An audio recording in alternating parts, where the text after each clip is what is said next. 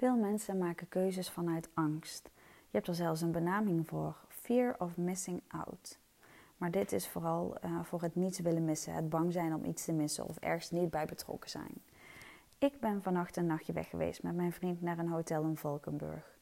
Kennen jullie het als je op vakantie bent en je komt bij het zwembad en het strand en op alle bedjes liggen al handdoeken?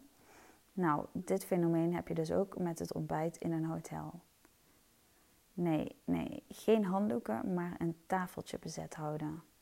Het was geen supergrote ontbijtlocatie, maar de doorloop was best snel. Dus je gaat in de rij staan en als je je eten hebt, zoek je een tafeltje om aan te gaan zitten. Of je gaat lekker aan de bar zitten. Maar de FOMO-mensen, Fear of Missing Out, hadden een tactiek. Ehm, een drankje halen, even aan het tafeltje gaan zitten voor de show en dan in de rij gaan staan.